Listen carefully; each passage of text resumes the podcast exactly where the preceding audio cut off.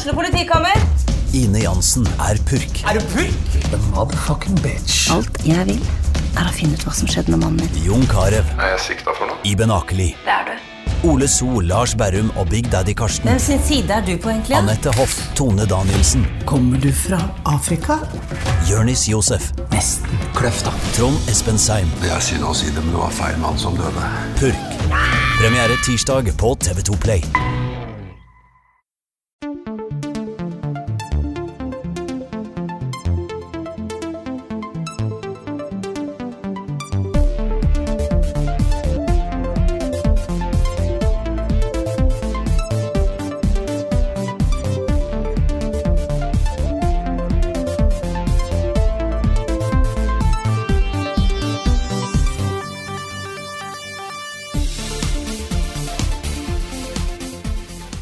Nei, så først og fremst så syns jeg veldig synd på de klovnene som ikke liker å bruke våpen. Hallo og velkommen til en helt ny episode av Level Backup med Rune Fjell-Olsen og med meg, Karl Martin Øksnes. Lars er ikke med i dag, men vi har to celebre spillutviklergjester.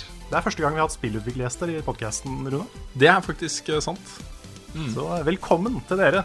Velkommen så mye, Jo Remi og Simon. Hallo. Og det er da, det er da Dpad. eh, Vi er på Askøy utenfor Bergen. Vi har tatt turen hit fordi nå er det litt over en uke, er det ikke det, til eh, Alboy faktisk lanseres. Ja, i eh, Jeg tror det var i går, så var det nøyaktig to uker til det lanseres. Så nært nå. Ja, det er veldig, veldig nærme. Og vi har jo eh, gjort et langt intervju tidligere også, så det vil jo komme en video med det intervjuet etter hvert. Men det blir nok litt gjentagelser også, fordi vi kan jo ikke ha podkast med dere uten at dere får snakke litt om spillet dere lager, og om lanseringa også. Nei, det blir jo feil å ikke inkludere det, føler jeg. Ja. Eh, fortell litt, hva er Alboy, for de som ikke har fått det med seg det? Så vi tar en helt fersk introduksjon. Ja, bare så kort. Ok, Alboy er Bare se for deg Zelda hvis du kan flyge, og det er i uh, sidescrollende 2D. Du har dungeons, du flyger rundt omkring som ei ugle kalt Otus, og du kan bære med deg hjelpere eh, som da fungerer som våpen for deg. Ja, og dette er et spill som har vært eh, i utvikling lenge, men det er også et spill som selv uten å ha vært utgitt, har vært viktig for norsk altså den voksne norske indie-bølgen. da, også av nye selskaper som har kommet opp. Eh, det var et lite sjokk på mange eh, at Alboy faktisk var norsk. Jeg husker det så godt. At jeg, jeg leste om det da, da det ble Det vant en pris eh, for mange, mange, mange år siden.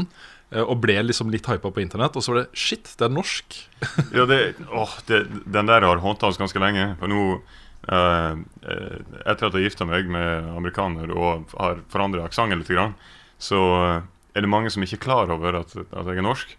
Eh, så jeg var faktisk på eh, What's Up Homes nylig. eh, tidligere redaktør for Destructoid. Og vi satt og snakka ganske lenge. Og på et eller annet tidspunkt så spurte han Where in America are you from? I'm not American. You sure? You sound like you're from Illinois or something. No, no, I'm, I'm from Bergen in Norway. From Illinois Illinois. yeah. No, they, uh, så det, det, har, det har faktisk tatt litt grann tid. Og uh, det hjelper jo ikke selvfølgelig på at vi har en canadier og en, en fyr fra Texas på teamet. Så uh, det at vi er, er norske, er noe vi har vært nødt til å peke ut en del ganger. Og vi prøver ikke å gjøre så pompøse av det at vi gjør noe da. Det, er- det, det er kjekt at vi er norsk, men du, du skal på en måte ikke gå rundt og si det at ja, Norge tar all crediten. Men Ja. Um, ja, det er som sagt litt over en luke til lansering, og det har jo vært ekstremt høye forventninger til dette spillet. Og dere har jobba med det lenge. Hvordan føles det å sitte liksom så nærme lansering uh, nå? Eh, vi vet ikke helt hva vi har i vente, vi, sånn egentlig. Uh, uh, vi, vi har jobbet med det såpass lenge at det har liksom ikke gått helt opp for oss at det faktisk kommer ut nå. Eh, Så jeg er utrolig rolig i forhold til det jeg tror jeg burde være. Men nå når vi lanserer, så merker vi fort hva som skjer, for å si det sånn. Jeg har jo hørt horrorhistorien om folk som har møtt veggen når de har lansert og sånt, men det, det tviler jeg egentlig kommer til å skje med oss, fordi at vi har såpass mye vi skal få gjort, da. Så vi har ikke tid til å møte veggen, sånn egentlig. jeg tror, jeg tror det blir mye det at vi vi kommer nok ikke til å reagere før det faktisk har truffet. For det er noe med at det er veldig surrealistisk på det her tidspunktet. Vi er fremdeles i fullt arbeidsmodus, sånn som jeg har vært nå i hva er det nå, åtte, nesten ni år. Eh, så på et eller annet tidspunkt så, så vil det treffe. Og hva tenker du da? Og så er det litt morsomt fordi um, dere er jo et uh, lite indieselskap.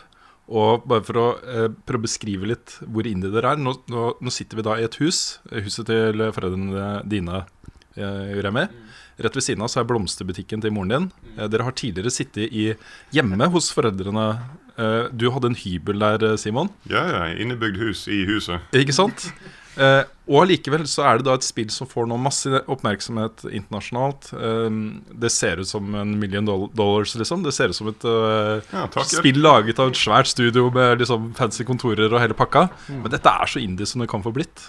Ja, det er faktisk en, det er en prosjektor i veggen i taket her som er hengt opp av noen belter Ja. og diverse. Og det er liksom Jeg føler det, det er det perfekte bildet på liksom hvor indie eh, Beepad er. Da. Ja, det er veldig, veldig sånn koselig og behagelig. Ja, kjempebra. Vi drikker julebrus og spiser skoleboller, og det er ikke måte på. Ja. Er det skoleboller eller skolebrød? Ja, begge deler tror jeg er riktig. Begge deler er innenfor. Ja, jeg tror det også. Ja, ok, okay, ja. Men dette er jo liksom podkasten vår, og vi har jo liksom et visst format på det. eh, og det passer jo godt at, eh, at det er Owlboy det er snakk om, for du har jo spilt det, Carl. Jeg har det. Så vi kan jo begynne med den runden med hva vi har eh, spilt i det siste, og så kan du få lov til å starte litt med Owlboy. det. Jeg kan godt gjøre det.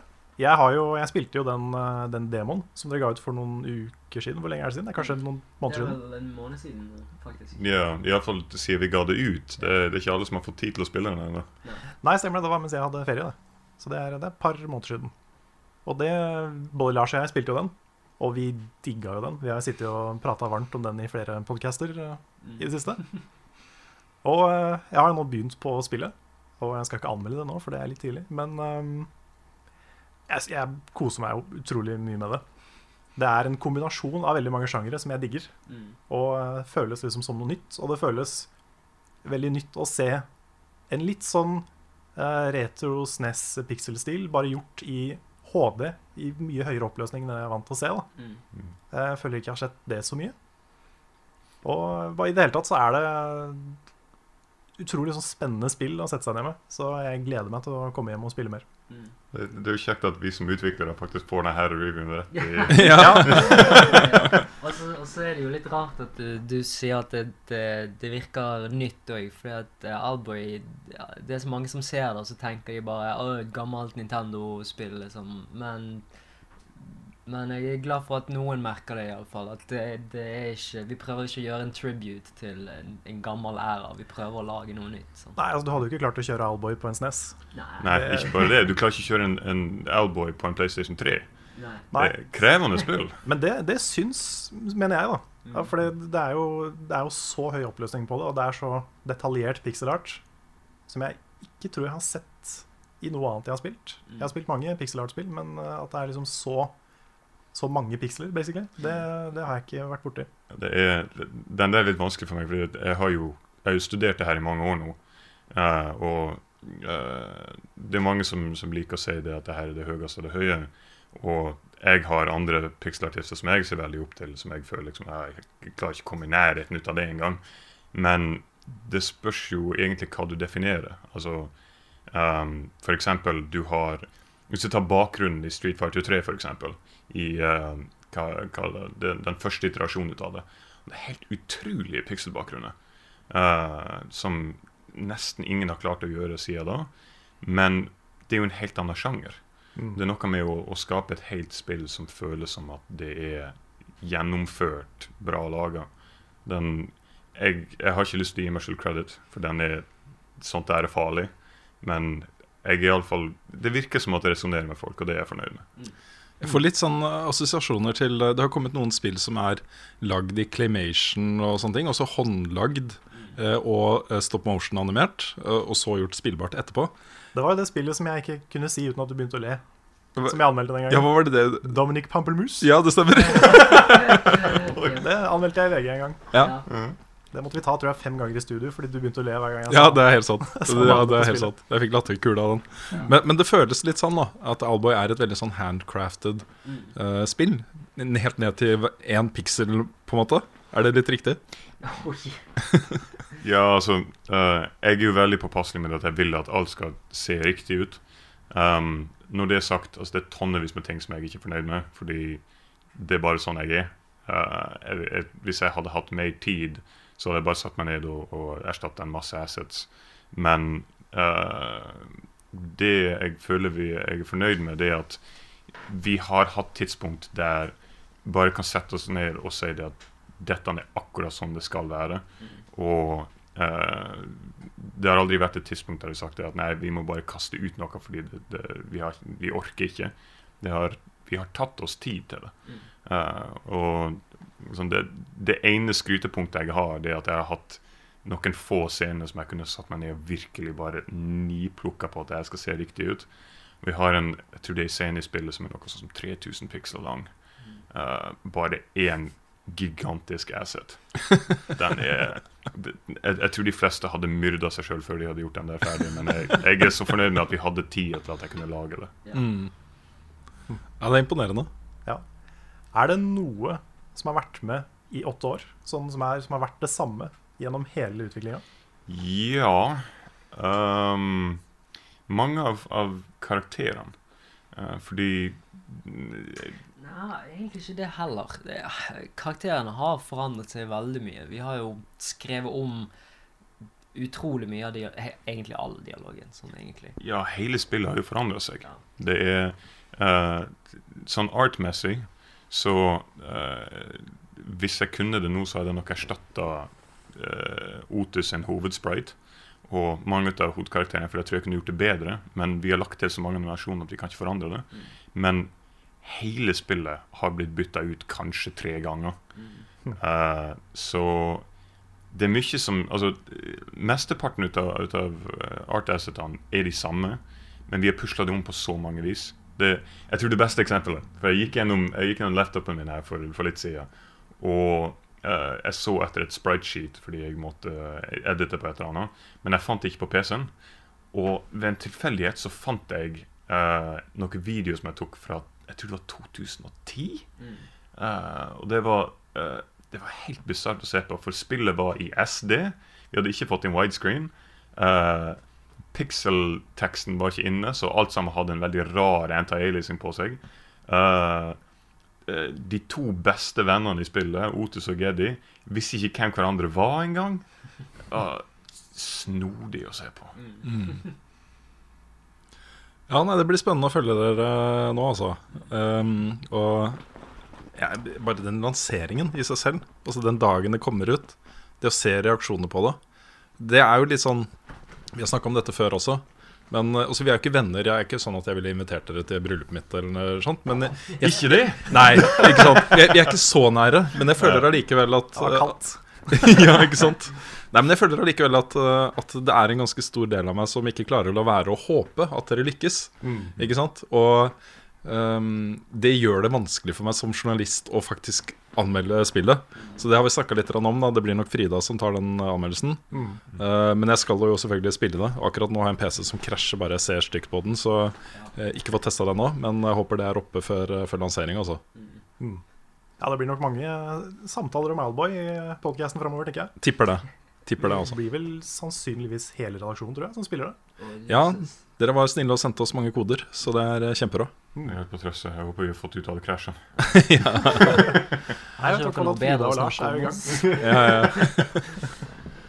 Nei, men eh, ja, vi, vi er veldig glad for at eh, det, er, det går an å sitte igjen med noe, iallfall. Mm. Fordi eh, hvis, vi, hvis vi hadde lagd Alboyer, så hadde folk gjennomført og så sagt ja, det var kjekt.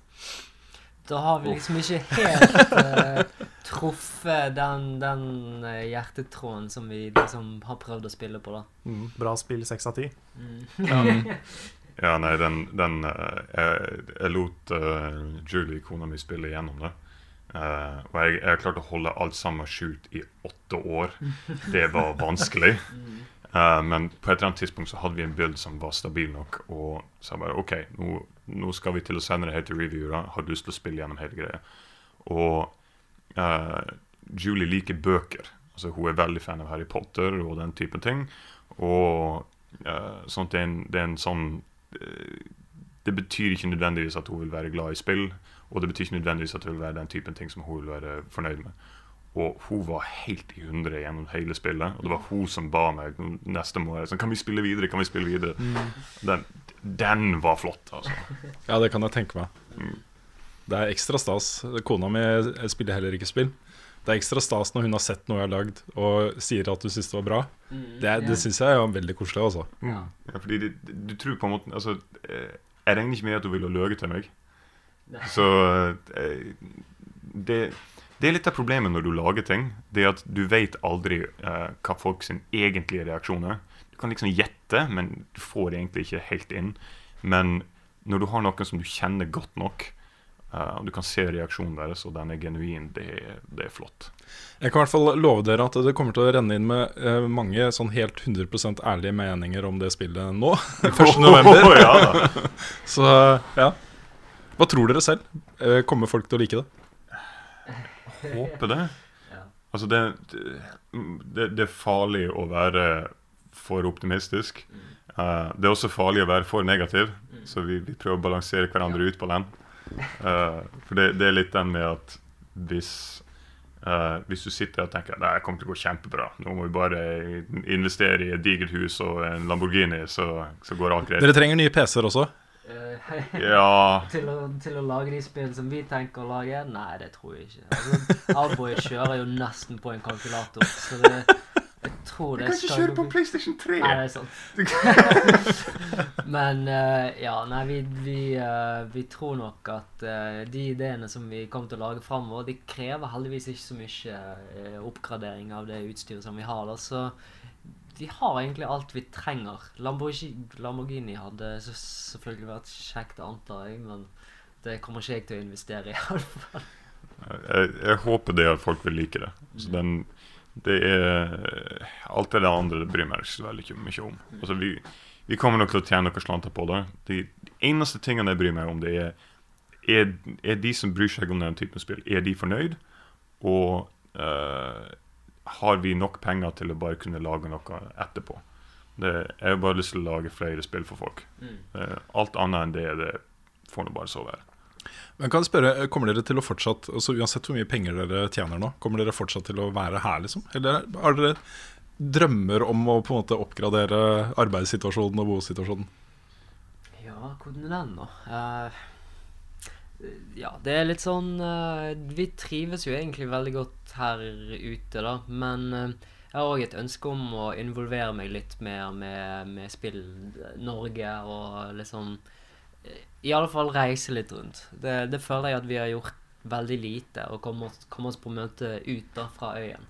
Men det, det tror jeg kommer til å løse seg med en gang vi ikke har Alboy hengende over oss. Fordi det er nok eneste grunnen til at vi sitter at, og føler at vi eh, må Altså, vi har en obligasjon til å sitte hjemme og jobbe hele tiden. sant? Jeg tror også det ja, Jeg er for så vidt med på den. Det, det handler mer om hva kan vi spre ut til andre mer hva kan vi, penger kan vi bruke på oss sjøl. Det er liksom ikke noe poeng at vi skal investere i et enormt kontor og ha, ha sånn 6000 ansatte. Det, poenget er hvordan kan vi spre ting ut til andre, sånn at de får noe nytt ut av det. Så mest sannsynlig så blir det at vi kommer til å dukke litt mer opp på, på eh, conventions. Uh, kanskje vi får reist rundt og snakka litt med folk. Kanskje vi får annonsert noen conventions sjøl. Vi har jo allerede uh, starta opp initiativet Stand Indie, f.eks., som var en relativt suksess når vi hadde tid til å jobbe med det. Ja. Så hvis vi kan pushe litt sånne ting, så tror jeg det hadde vært mye bedre, bedre å bruke hvis, hvis vi har litt ekstra penger. Og så er det jo mulig å gå på Patrion og backe journalister som prøver seg som eh, indie... Ja, jeg har hørt det er noen flinke Hvis, ja. ja. Det hadde tatt seg ut, eh, Karl.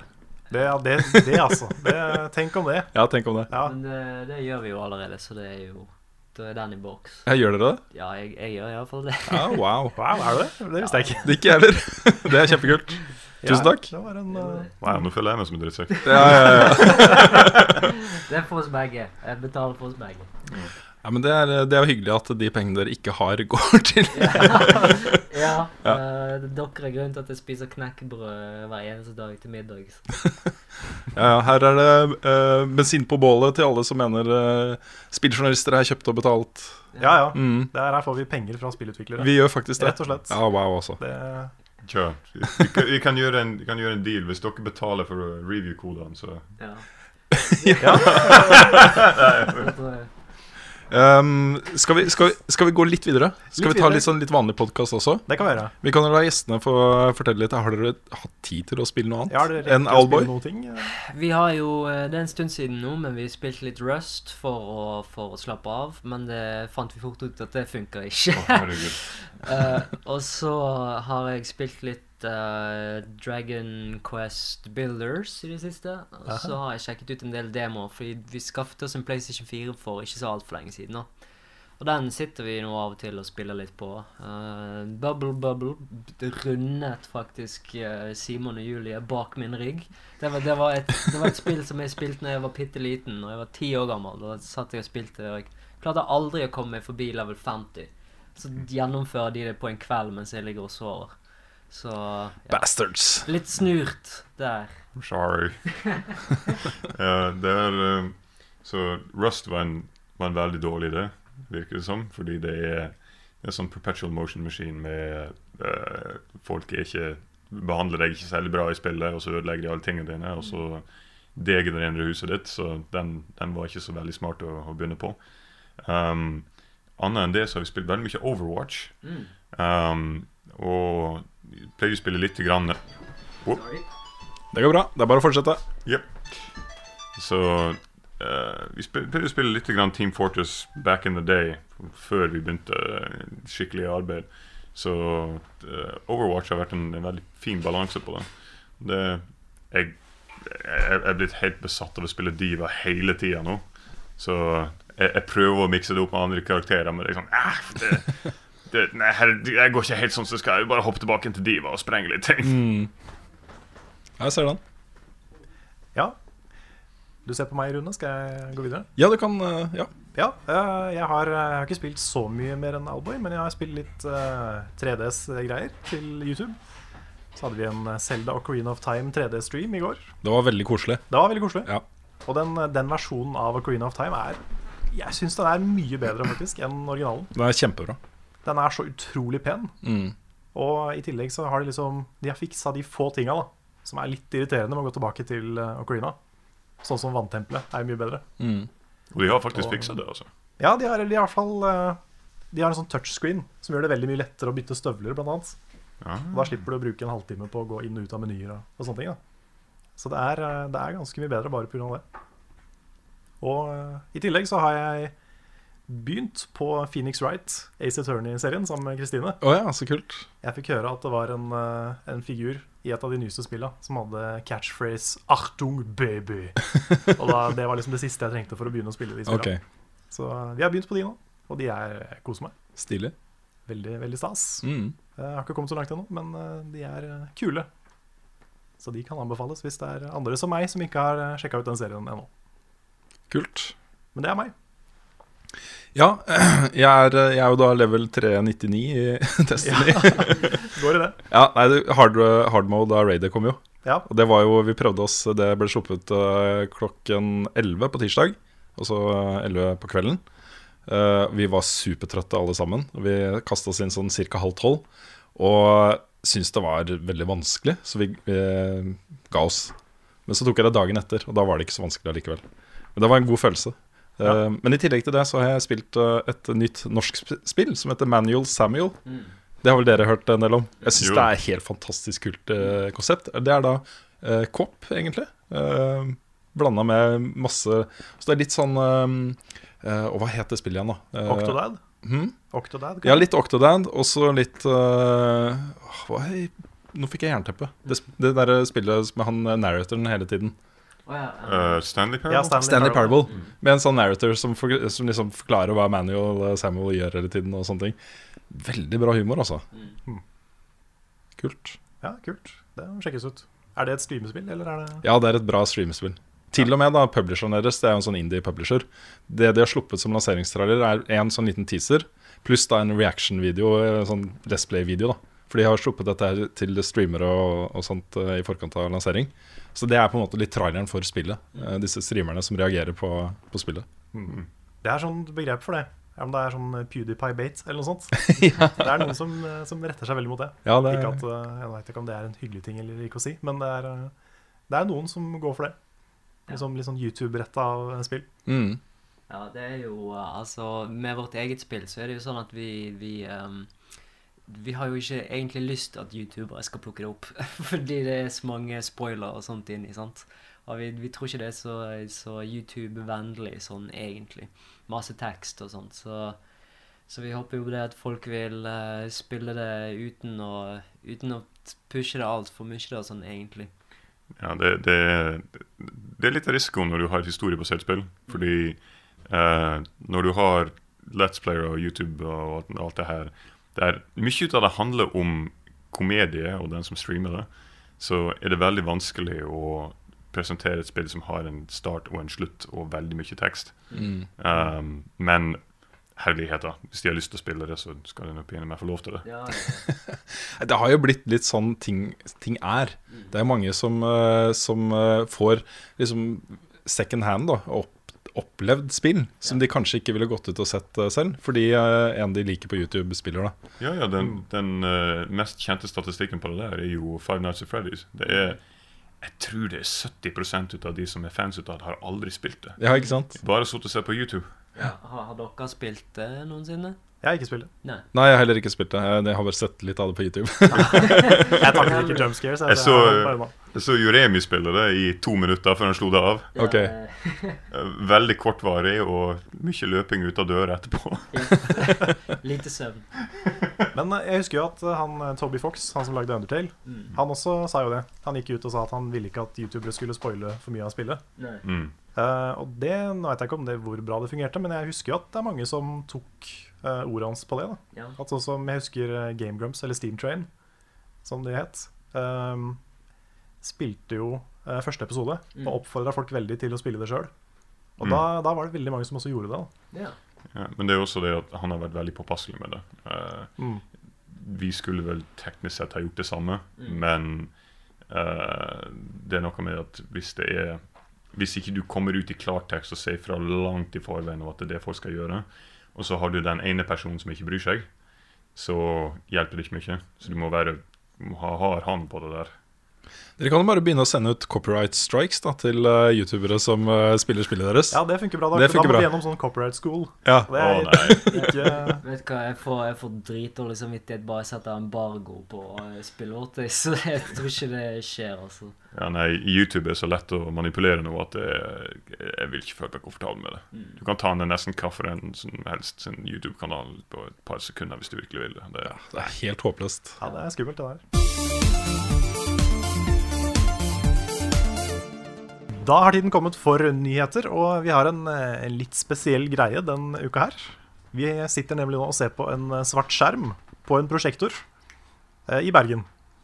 Er vi fortsatt i Bergen? Nei, det heter vel Askøy. Ja, ok. Per def så er det Askøy. Noen blir vel litt forbanna hvis du sier Bergen, tror jeg. Ja, det vil jeg tro. Ikke Bergen. Ikke Ber- Ja, Askøy. Ja. Eh, her på Askøy sitter vi og ser på en svart skjerm. Og um, der står det 'Play Trailer'. Og eh, klokka er litt over fire. Og Nintendo har nettopp lagt ut eh, den første NX-traileren. Det er ingen av oss som har sett den. Vi har spart den til dette øyeblikket. Ja, vi skal se den nå. Vi skal Vi skal sette se den på nå. akkurat nå. Ja. Og så får dere live reaction. En reaction-podcast, er det nytt? Jeg tror dette er en revolusjon. Ja, dette er en revolusjon, definitivt. Ja. Må huske å copyrighte det. Ja. En Nintendo-revolusjon. Ja. Åh, tenk om den heter det nå. Jeg var jo faktisk eh, eh, i salen da de viste fram eh, Revolution for første gang på Tokyo Gameshow. God. Det var et kult øyeblikk, altså. Ja, Ja, ok, La oss ikke hegge oss Ja, så mye ok, opp i det. Skal vi kjøre på? Det er 2016. go. 2016. Da trykker vi på play. Ok, nå er jeg dritspent. Det er en vei. Den nye konsollen er en Alle sitter inne og spiller NX. Ja. Oi, det er Selda. Selda på skjermen.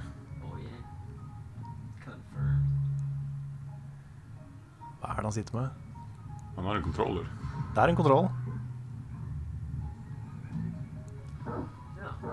Og hun, Nintendo Switch. ja, hun vil gå tur. What? Ja, ja.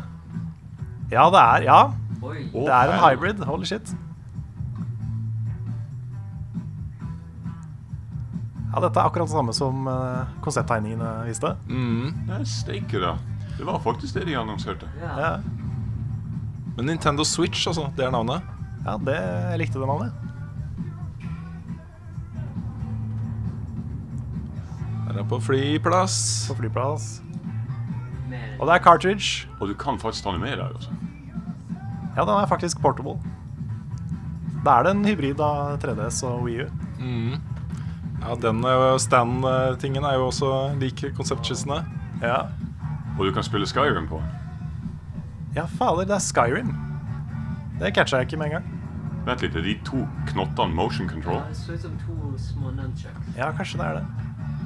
Å helsike, den her kommer jeg faktisk til å bruke. jeg spiller jo 3DS hele tida. Det er jo perfekt for meg. Ja.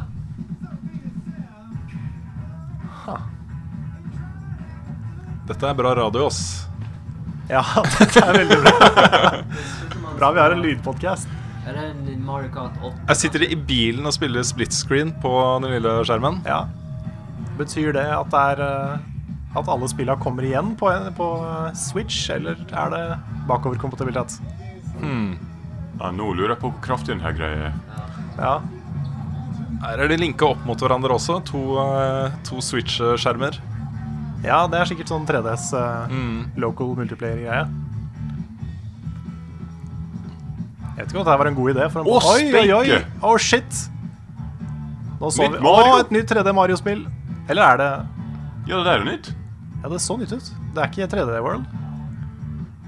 Ja, Han blir invitert ut eh, på fest. Ja, han må han selvfølgelig ta med seg NX-en, så jeg er Switchen. Ja, Å, dæven.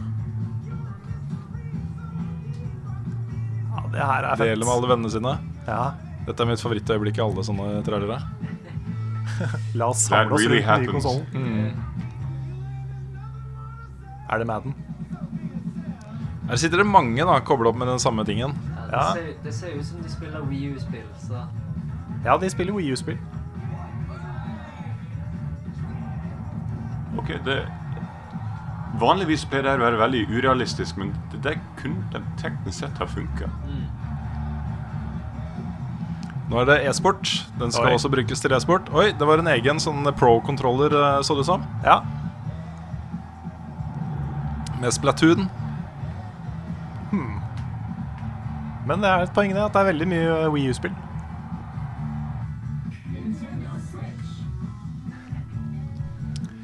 Mars 2017. Ja, den kommer faktisk mars eh, 2017. Hei! ok, folkens. Uh, reactions. Uh, gjestene først. ja. uh, OK, det virker jo som at den er bakoverkompatibel med Wii-en, som er utrolig digg. For vi har jo en god del spill til Wii-en som vi vi gidder ikke å plugge til Wii-en, fordi vi, vi gidder liksom ikke å plugge rundt på HDMI-nivå og sånt. Men her virker det som at vi faktisk kan spille spill sammen på, på en skjerm som du ikke trenger å plugge opp engang. Mm. Ja, det her er- var Altså, det var jo mer eller mindre det folk spådde. Uh, jeg var redd for at det bare kom til å bli en sånn mobil light. Men det at de faktisk klarer å demonstrere hvordan den skal brukes Altså, Det som alltid skjer med de her videoene, det er at du, du viser noe, og du tenker at 'jeg kommer aldri til å gjøre det der'. Jeg kommer ikke til å sitte og snakke til Xboxen min. Jeg kommer ikke til å sitte og veive fingrene mine foran en knekk hver eneste dag. Men jeg kan faktisk se for meg Altså, som et voksent menneske, ikke som en, en, eh, en, en eh, 14-åring på lekeplassen, på en måte, men som et voksen menneske, så tar jeg med meg 3DS-en min og spiller den på flyet, eller eh, hvis jeg er ute på gata, så bare drar jeg ut telefonen, eller noe sånt. Og det her er faktisk en god kombinasjon. Jeg kan faktisk spille noe med skikkelig kontroll, og jeg kan bare sette meg ned med Jeg kan bare ta med meg en X-kontroll. Vil du spille Mario Kart med meg? Ja, vi kan gjøre det her ute på gata. Det funker faktisk. Jeg kan ikke fatte at jeg faktisk sier det. Jeg syns den, den, jeg synes den var lekker. Og det det er snakk om, er da eh, akkurat som har, eh, det som har blitt eh, lekka i i forkant. Så er det en, en dockingstasjon eh, som du plasserer eh, skjermen oppi. Og skjermen er også en konsoll, så du kan ta den med deg videre. Og det vi så, var jo at eh, han satt hjemme i stua si og spilte Zelda. Og så ville hunden gå tur, og så tok han bare og kobla ut eh, den mobile enheten. Uh, kobla på eh, håndkontrollerne til den dingsen. Og så tok han med seg hele greia og fortsatte å spille. Um, og det så ut som de to kontrollertingene også kan kobles sammen til én. Ja. Eh, og så ville det også komme da en pro-kontroller. Det var muligens Wii U pro-kontrolleren, kanskje? Ja, den så annerledes ut. Den gjorde det, ja? Jeg Ja, er den, ikke var, den var ikke helt lik. Ok, så Ja, det virker litt som de har gått for den der modulær-varianten. Eh, Mm. liksom at du skal kunne bygge på litt ting. Jeg vet ikke om dere har sett i mobiltelefonene hvor du kan for velge å ha et større kamera, plugge i, og Mm. større batteri og sånt. Det virker som om Nintendo kanskje gjør den vrien der, da. At de senere vil Det så ut som han kunne bruke de der som nonchucker òg. Han hadde to tror du må sitte litt nærmere mikrofonen. i rommet. ja. Ja. Sant? Så, så det virker jo veldig lovende. Men den jeg, jeg, jeg må si det at selvfølgelig Jeg vet at det er mange som kommer til å bli litt sånn bekymra fordi den er liten, og dermed er kanskje ikke så kraftig prosessor på. Så det får vi fremdeles vente og se. Men uh, det det har gående for seg, og det er jo det alle Nintendo-konsoller nesten må ha, er at det er to ekstreme kraftige launch titles. Det har Zelda, og nå viser det seg at de har annonsert et nytt Mario. Og det at Hvis du får det rundt launch, det er jo en knallbra start. Altså Mm. Selv Wii U-en, da den kom ut Grunnen til at folk kjø- kjøpte den i mange tilfeller, var fordi Zelda kom ut på den. Og ja, det var en port, men det funka som bare juling. Mm. ja, det er spennende. Hva syns du om uh, Switchen, Carl? Nei, jeg ble, jeg ble litt hyped nå, kjente jeg. Men det, det, det det ser ut som også, er at du kan Du har den der skjermen med de to kontrollene som du kobler sammen til en handheld. Det ser ut som du kan gjøre den til toplayer. da Mm. At hver kontroll kan brukes hver for seg. Ja. Det også er litt kult. Mm. At du kan faktisk gå rundt med en, eh, med en sånn switch. da Og så kan du spille med noen, Mm. bare uten at du trenger noe mer. Det også er litt stilig. Men uh, jeg reagerte litt på at det nesten bare var Wii U-spill som ble spilt. Vet ikke om det er fordi de ikke vil eh, Jeg- avsløre noe ennå. Men Jeg tror det har mye med det å gjøre, men eh, de kan jo ikke vise fram alle de Wii U-spillene, og så er det ikke mulig å spille dem på Switch. Så her, eh, den vil nok være kompatibel da, med Wii U-spill. mm. ja, ellers så er det veldig mange spill de skal relansere. Ja, det vil no jeg tipper at det kommer som Switch-versjon, fordi dette var cartridge-basert. Mm. det må jo være en eller annen form for uh, delelse-mulighet på dette her. Ja, jeg tipper nok at de eh, Når de viser sånne spill som det, jeg tipper at det der er fra Nintendo eShopen. At, eh, Mm. at de, de SD-kortene de kan du sikkert lagre spill på, tipper jeg. Uh, Istedenfor at du eh, liksom kjøper det i butikk. Du kan sikkert kjøpe det i butikk òg, men da blir det nok mer sånn som Nintendo DS fungerer, vil jeg tro. Mm. Men jeg er, jeg er kjempeglad for at de har gått tilbake til cartridges. Uh, jeg vet ikke om det er en populær mening, men uh, fordelen som cartridges hadde, det er at de var kjappere. Og da sitter du igjen med noe solid, og noe som ikke degenererer over tid. Mm. Motsetning til CD. Uh, og Og for så vidt også DLC-kode. Jeg har jo opplevd selv flere ganger at jeg må liksom gjenoppbygge eh, databasen i PlayStation 4 fordi det er et eller annet som har blitt korrupt, og så må man bare revalidere lisenser og sånne ting. Ja, okay. det, det her virker som en, et lite sånn Jeg vet ikke engang om det, om det er planlagt, men det føles som et pushback fra det her å gjøre en eh, konsoller til en sånn diminutive PC. Mm. Hele poenget til konsollene var at det skulle være kjapt å spille de, og at du skal presentere noe som kun konsoller kan gjøre. Og det her Jeg vet fremdeles ikke om det, det er den perfekte løsninga. Jeg må tenke meg litt om, tror jeg. Men de har iallfall et gysla godt pitch. Mm. Men uh, var det noen av dere som fikk med dere om det var HDMI-kabel til kobling på den? Jeg satt og lurte på om det var en boks eller ikke. Det er akkurat det samme som jeg lurte på etter eh, da Wii U-en ble annonsert. egentlig Hva Men, tenker du på da? eh, Nei, Om det er en konsollboks i tillegg. Eller om det bare er den skjermen eh, som du kobler til TV-en. Ja, det er, det er skjermen. Det står her. En Switch Ja, okay. dock. Switch Dock, ja. Mm. ja. Ok. Men jeg ser ikke en HDMI-port. Det hadde vært kjekt hvis de hadde hatt. Mm. Jeg vil jo tro de har det. Tror du ikke? Kanskje det er i Ja, det må det være. Det er den dokken du setter deg ned i. Jeg skal vedde på at der er HDMI-porten. Mm. Mm. Jeg vet ikke. Jeg er jo mm, Jeg, jeg føler meg mest gira på dokkingmulighetene å spille det hjemme. Mer enn å ta det med ut. Jeg tror ikke jeg kommer til å gjøre det så mye. Nei, jeg er litt todelt på akkurat det sjøl. Jeg, ehm, det er jo 3DS jeg spiller hvis jeg først spiller ute, på en måte. Det Mm. er den jeg tar med meg. Jeg tar med mobilen. Det, er, eh, Ja. det, blir, det blir til det. Det er det mest praktiske. Den har jeg alltid med meg uansett.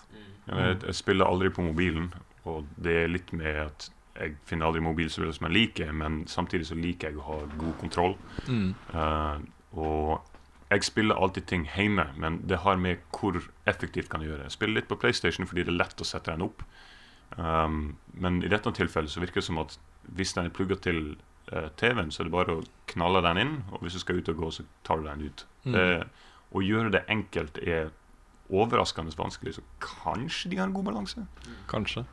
Men det er nok eh, Jeg tror nok eh, det blir det samme her eh, som med uh, Wii U. At eh, Eller alle konsoller, egentlig. Eh, spillene er det som avgjør, for min del. Altså, det kan fort bli en sånn greie liksom som folk har lyst på, fordi det er en greie. Som eh, motion-kontrollere var det med Wii. Men eh, de må følge opp med innmari bra spill. Uansett, liksom. Det er det som er viktig for meg. ja, definitivt. Da har du jo Selda, da. Som er eh, Ja. vanskelig å mislike. Det mystiske Tror det, altså. Mario-spillet som ser ut som det tar plass i Mexico et sted. Ja. Ja, det var veldig rar stil på det. Mm. Jeg må sjekke om det er noen nyheter knytta til det også. For det, det er det eneste der som ikke jeg føler jeg hadde sett før. Mm. Men eh, hva syns dere om grafikken i så tilfelle? Den syns jeg er bra nok. Jeg er ikke så veldig opptatt av, eh, av eh, å dytte inn så mye grafikk som mulig i spill, og at det avgjør kvaliteten. Um, Nei, jeg, jeg er enig i det. Jeg syns så fort liksom Wii U ble HD, så trenger ikke egentlig Nintendo-spill å se penere ut. Jeg synes de, Sånn som Mario Kart 8, da, det er så utrolig pent å se på. mm. Og hvis de får til det på den hardwaren, så er det kult. Ja, som, som utvikler så er det Det er liksom to punkter som vi gjør hele tida. Det er de må være kraftigere, de må være kraftigere, fordi ellers kan vi ikke utvikle til dem. Jeg kan for så vidt forstå den, uh, men det har noe med å bare bruke det du har. Så, så lenge den er relativt enkel å utvikle til, så tror jeg ikke det er et problem. Men Nintendo-konsoller har jo tradisjonelt vært litt vanskelig for det. Så, men med tanke på hva de ser ut som at de er basert det her på, så må det kunne gå an å, å lage noe relativt enkelt her. Men jeg, ja, jeg tror um, Jim Sterling hadde en episode om hvordan konsoller begynner å bli irrelevante. Spesielt da PlayStation 4 og Xbox One, fordi at de, de begynner å bli mer og mer tilnærmet liksom PC og sånt. Han hadde spilt Mafia 3, og han måtte vente i en dag på at det skulle laste seg ned, liksom. Og da begynte han å lure på hva er det med konsollen Altså, dette her er jo bare inconvenient. Hvorfor kan ikke jeg bare spille dette her på PC? Da hadde det funket med en gang, sant? Mm.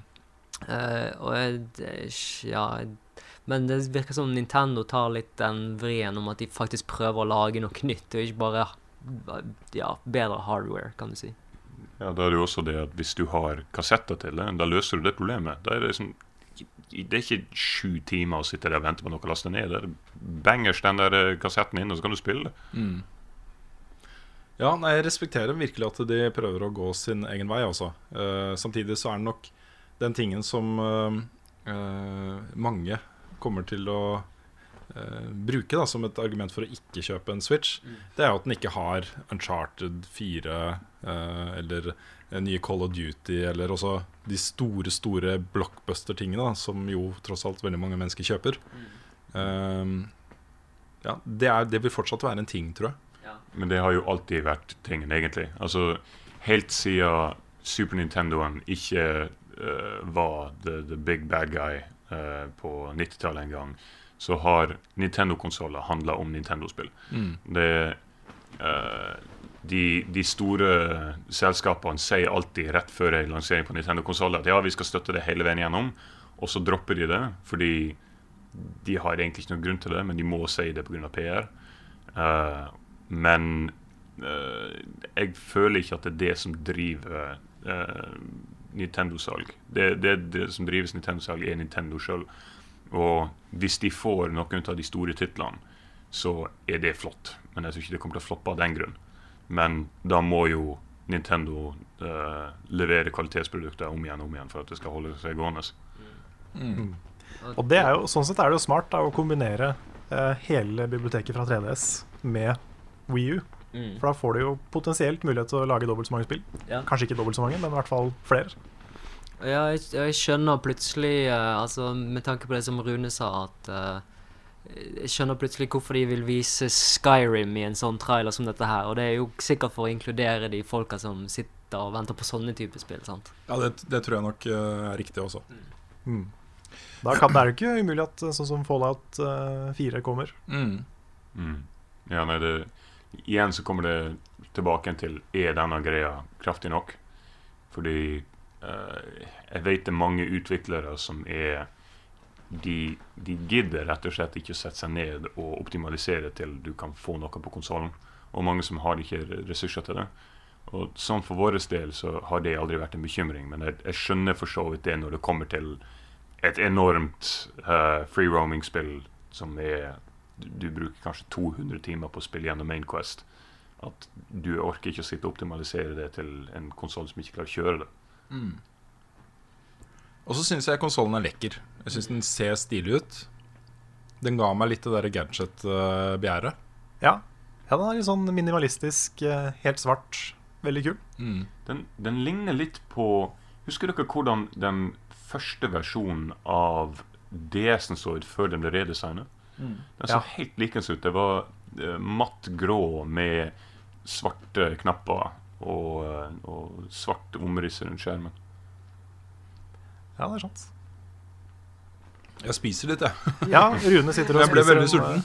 eh, en big one med noe greier, er det ikke det? Mm, ja, det stemmer det. En uh, tacopizza. Taco Og veldig godt. Ja. Um, kan um, du søke etter den andre tingen vi skal snakke om? For den ligger også ute på YouTube. Ah, right. Og den gjør det? Ja. Ja. Vi, har, uh, vi er ikke sikre på om den der eh, live reaction er en god idé, men nå får dere den to ganger i én podkast. Så blir det enten en stor suksess eller en megakatastrofe. Ja. Level Up Reacts. Trademark.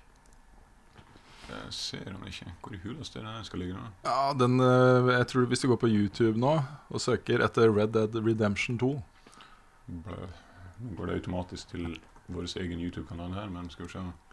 Det er litt eh, morsomt at vi sitter og tar opp en podkast akkurat Dette er ikke planlagt, men det er jo akkurat mens eh, Og det er så hete trailere at nå kommer brannbilen. Ja, er det. Bare kjøle ned hele byen, rett og slett. altså Der, nok være den, Direkte akkurat nå, men eh, Å ja, OK. Er det, det er IGN, dette her? Oi. Det var, Det var, det var veldig live. Har vi Ja, noe som ikke er live? hva med, var det den øverste der? Var det den Uh... Den- Hvis du søker på Hvis du tar uh, filteret, og så siste Her kan du kanskje klippe litt, Lars, hvis du hører eh, på dette her. Oh dear Oi, god! Hva i helsike? Oi, oi, oi! OK, going back. Hvordan i Altså- steike kan du få det på YouTube? Det som, det som skjedde nå, var at vi søkte på Red Dead Redemption 2, og det kom masse porno på YouTube. Det, det skal litt til å finne porno på YouTube. Det har jeg Altså. aldri sett før. Holy shit. Men eh, prøv filteret igjen, og så tar du siste. eh, Skal vi se Oh dear god. Eh, Den siste timen. Oppløsningsdato den siste timen. Vi prøver igjen. Ja. OK. Ja, Uh, Jeg, det jeg er, er tror det er traileren. Eller skal vi det se. er mange som er live. den er spansk. Så rart at eh, vi prøve den livesendingen igjen. Og det var den eneste Ja, nå er nok traileren over, tror jeg. For det er, hvis ikke det var gamle Red Dead-ting de viste fram der. La oss, la oss prøve noe annet. Hvis vi går til IGN nå IGN.com De pleier vanligvis å poste tidlig. Oh, um, ok, det, I tillegg er det, er det en ny Zelda-trailer. Visstnok. Oh dear Oh. god. Jepp. Uh, Tre nye trailer. OK, so where's the trailer? Uh, torsdag klokka 18.00 står det. Oh, de gjør sikkert Jeg tipper det at det som de viste nå, var kanskje bare en slags um, Var litt fra Red Dead Redemption 1, og så kommer de til å avslutte det hele med selve traileren. da. Ja, det er sikkert sånn pre-show og alt mulig. Ja. Alright, Skal vi gå tilbake til live, eller skal vi bare droppe det? Ja, da er det ikke noe vits i å reagere på den, eh, tror jeg. Nei, da hadde jeg ikke det. Men uh, det sier jo litt da om hvor eh, mye interesse, eh, hvor høy interessen er rundt Red Dead Redemption 2. Ja. Eh, at eh, mange store nettsider nå kjører live trailer med reactions og hele pakka, liksom. Ja. Det er en eh, Ja, Det er en event. det er en skikkelig event også. Det er, jeg tror Red Dead Redemption Actually, we oh, feil språk. Vi fant traileren. Vi fant traileren. Okay. Okay, yes. den er ute. Så vi skal gå inn på uh, Tror vi sender den nå. Holy crap. Ja, der har vi min offisielle e-mailkonto. Bare vent litt til vi Gjør vi ikke sant sånn? There we go. OK. Come on. Do it. Uh, why we love Red Dead Redemption. Oh, my. Helt øverst. Ja. Is it Is this not the one?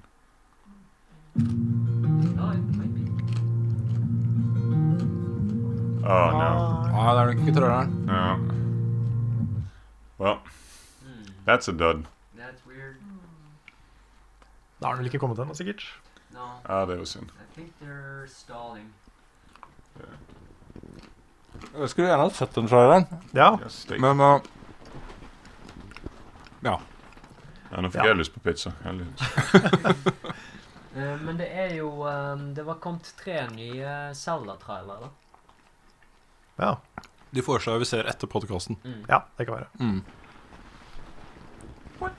Du får, det blir litt komplisert å klippe den delen her, Lars, men uh, hvis du hører på, så Du, ja, hvis, du, hvis du har hørt på noen av de surre podkastene til eh, Lolbua, Ja, så er det på omtrent på det nivået det ligger, da.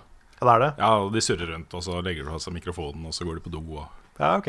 Er det sånn der Lolbua-børn uh, driver på en måte lite grann. Ja. Men det er ingen, ikke alkohol eh, inne i bildet denne gangen, da. Nei, nei, det er det ikke. Det er julebrus. Julebrus Ja, og pizza.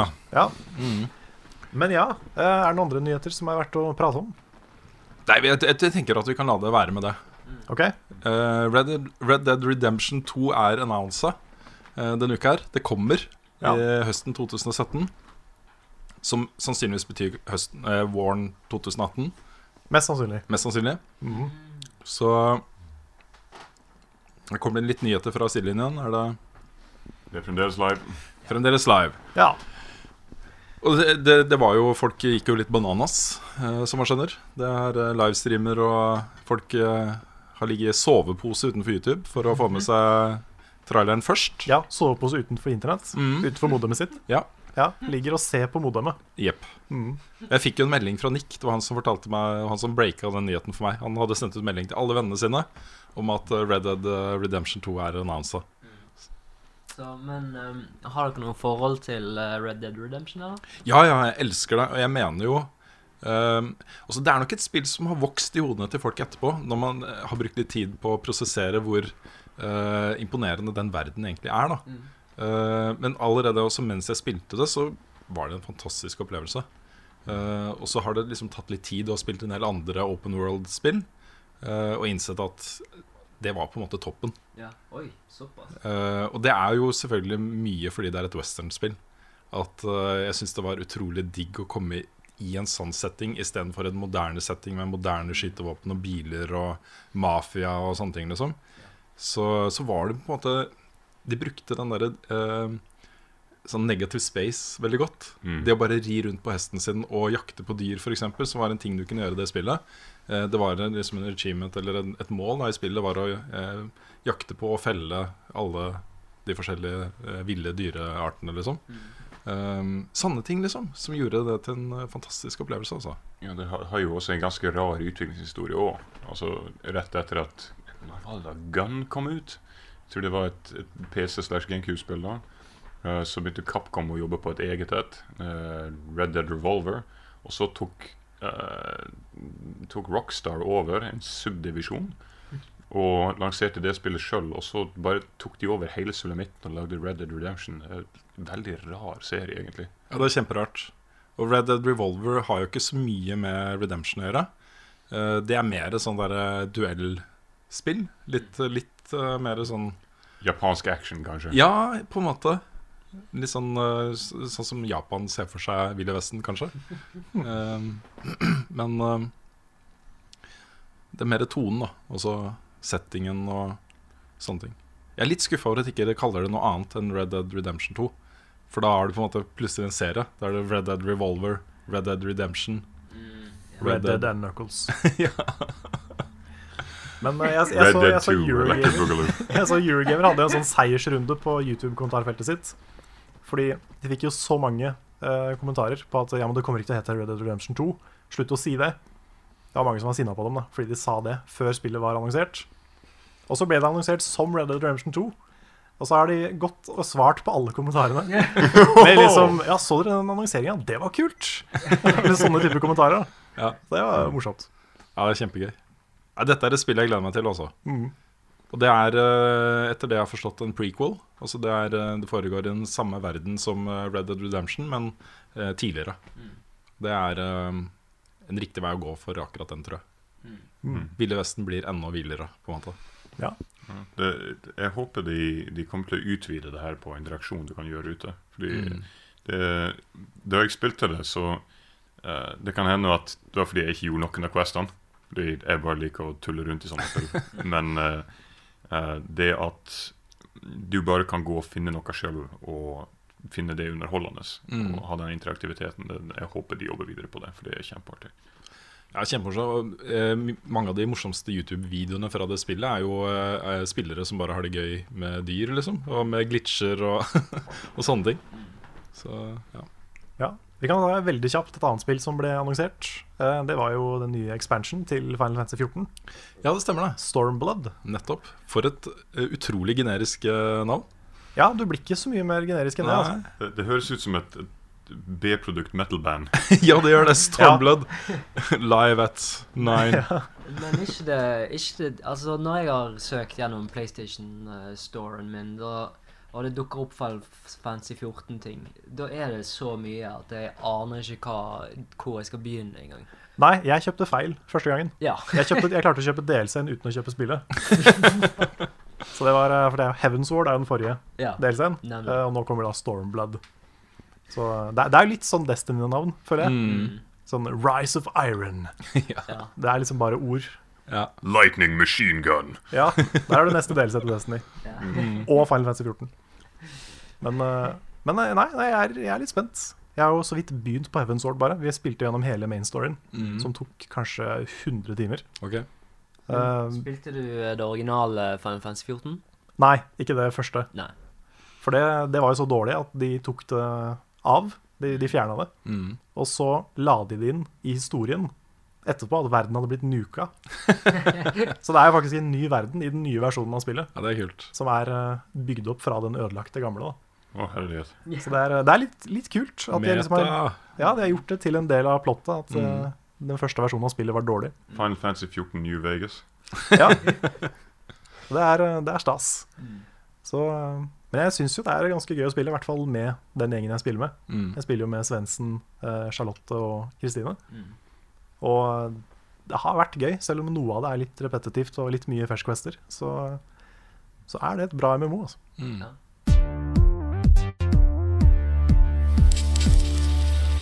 Da er det spørsmål og svar. Og vi begynner med spørsmål til Dpad fra Rune. Det vil si ikke fra Rune, men fra noen på Patreon. Ja, det er jeg som skal lese det opp. Du skal lese opp spørsmålet Det fra er- Patreon. Erlend Hestvik som har eh, stilt spørsmålet. Og det er jo folk da som har fått med seg at eh, vi er hos dere i dag. Um, han skriver Så Vikings on trampolines på Nordic Game Discovery Contest på onsdag og lurte på når dere begynte å lage det spillet, og hvorfor dere ikke har sluppet det ennå. Han skriver også hadde også vært et perfekt spill til duellen på Level Up, og det har vi allerede duellert i. Ja, vi har det. Det var Back den første day. sesongen jeg vant, Ja, så det husker jeg godt. Da filma vi sånn seiersgreier rett etter at vi hadde spilt eh, Vikings. Hadde ikke på oss vikinghjelmer. Det var mens dere var på noe greier i Oslo. Ja, hadde vi det? Eh, ikke dere, men det var du og eh, Carl Nei, Thomas. Carl Thomas, Thomas, Ja, stemmer. stemmer det, Vi har duellert det to ganger i Level Up, faktisk. Mm. Tre ganger inkludert denne episoden i Nye Spill-Norge. Yep. Så hvorfor, det har, hvorfor ikke slippe det ut lenger? Altså, det her var et miniprosjekt som vi gjorde Vi hadde ei uke med ferie, Og eh, kompisen vår Alexander Winther var på besøk. Og vi skulle egentlig bare sitte og lounge og spise kjeks og hva nå enn det du gjør når du har fri. Eh, og så bare sa vi jeg skal ikke bare lage et spill. så eh, vi brukte ei uke og slappa sammen uh, Vikings and Trampolines. Han lagde soundtracket, vi lagde spillet. Og uh, så hadde vi noe et spill, og det var, det var artig. Um, men vi tenkte nei, vi må tilbake igjen til Alboy, vi må gjøre ferdig Alboy. Og uh, så hadde vi jobba på det en stund, og vi endte opp med å være i nøyaktig samme posisjon. Så vi tok eh, og bare hoppa over sommerferien og isteden lagde et til spill, som ble Savante Sendt. Um, men tingen med det spillet var at uh, når vi lanserte det, så slo det oss det at det her tar mye lengre tid å markedsføre enn det gjør å bare lage spillet. Så vi hadde jobba på det i uh, fem uker, og når vi lanserte det, så tok det pinadø meg et halvt år med markedsføring før vi hadde frie tøyler til å gjøre på andre ting. Og vi skal ikke gjøre det samme med, med Vikings og Travelers. Det er ikke sånn at vi bare dumper det på folk og sier ja, nå er vi ferdig med det, og dere have fun. Uh, hvis vi skal lansere det, så skal vi gjøre det skikkelig. Så spillet er mer eller mindre ferdig. Det er litt sånn små ting som vi har lyst til å legge til det, og litt brush-ups og greier. Uh, fjerne temp-menyer og sånt. Men uh, alt annet enn det, så er det på en måte bare Vi må gjøre en skikkelig lansering. Så når Elboy er ferdig, Vikings. Altså Allerede for fem og et halvt år siden, da jeg spilte det, så var jo det et spill som jeg tenkte Det her er noe jeg kunne ha lasta ned fra PSN, liksom, og spilt uh, som et ferdig spill. Og så, men det er fordi gameplay-opplevelsen er Den er så godt spikra sammen. Og så, dette er da eh, vikinger og- i forskjellige fasonger som hopper på trampoliner, og det er et multiplayer-spill. Så målet er da å knocke de andre vikingene ut av brettet ved å treffe dem eh, på spesielle måter. Eh, og that's it, liksom. Det er, var det tre eller fire trampoliner. Ja. Fire trampoliner. Og ja, grunnen til at det ble trampoliner, da, det var jo fordi at jeg skulle jo egentlig lage et spill som handlet om vikinginvasjonen. Jeg så at det var ingen andre som hadde laget noe ordentlig vikingspill ennå. Ja, sånn autentisk Ja, Jeg ville ha en svær armé med vikinger som setter i land og liksom invaderer en engelsk borg, da. Så, men jeg kunne ikke tegne på den tiden, så istedenfor å tegne vikinger som liksom vandrer over et landskap, så måtte jeg finne en måte å liksom frakte disse vikingene inn i borgen på. Og det mest naturligste svaret det var å bare få inn trampoliner, sånn at eh, vi kunne lett bare invadere. Du var tre år på den tiden? Er det Jeg var 14 på den tiden, så, men hjernen min var tre år gammel. Eh, men eh, ja, så det bare klaffet. Og så viste jeg det til Simon, og de eh, Ja, sånn, sånn som han alltid gjør. Han gjør driten min til gull. Så det er liksom Det, det bare passet veldig bra å ta det som en slags ferie, da. Altså, eh, rent konseptuelt og den opplevelsen av spillene, jeg syns det er innmari morsomt. Jeg, tenk, jeg tenker på det av og til, at eh, det er et spill som jeg liksom håper kommer ut og folk får testa. For det går liksom rett inn i, i den derre Hvor blir det av alle de lokale multiplayer-spillene hvor man har det gøy i sofaen? Og nå har de fått liksom Star Wars Nei, hva heter det? Stalworth? Ja, det, det, Det hørtes ut som Star Wars med tallfeil. De der haiene na, Å ja. Star Å ja, Star Wall, ja. Starwall og Ja. Needhog og Ja. Gangbeasts. Gangbeasts. Mm. Så det går rett inn i den, da. Ja. Men at det, det er liksom veldig, veldig konkurransefokusert. Mm. På en utrolig sånn Det er så lite gøy å bli knocka ut av det brettet der. Det er så lite gøy. Og så er det tilsvarende morsomt å knocke andre ut. ja. Ja, og den, altså Ideen er foolproof. Vi, vi har testa det. Du kan spille det med ei hånd, så du kan jeg vet ikke, drikke med den andre, eller hva du vil. Uh, så det, spillet fungerer som bare juling. Det det er liksom bare, Vi vil sørge for at vi legger til en D-pad polishen, sånn at vi ikke bare legger det ut, og folk sier eh, det var artig. ja. Nei, Det tror jeg ikke folk kommer til å si om det spillet. altså Nei, jeg tror ikke det.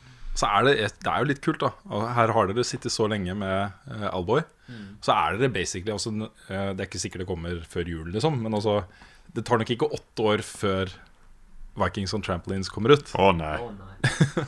Det er litt morsomt. Dere har et nytt spill på vei, liksom, som er noe helt annet enn Alboy. Ja, det, ja, det føler jeg eh, Det håper jeg at flere indier gjør det samme som oss. At de sitter på litt ideer sånt, så, som de liksom har liggende. Men eh, det, er det jeg alltid er redd for, er at når India først har kommet ut, så, så blir det med det. Eksempel Fast. De kom ut, eh, kom ut for lenge siden, og han ga litt sånn opp etter at han hadde gitt det ut. Og det er jo kjempesynd, fordi at han er dritgod til å lage spill. sant? Mm. Ja, men det- ironisk når du sier det, så lanserte jo uh, Polytron nettopp et nytt spill. Ja visst, ja visst. Ja. Men det, eh, det er jo ikke det samme spillet. Altså, det er, det er laga av teamet uten Phil Fish, Mm. og det er et VR-puzzlespill. Så det, det, er noe med det. Det uh, selvfølgelig, å lage oppfølgere og sånt der, det, det er vanskelig. Fordi det er det som tjener penger.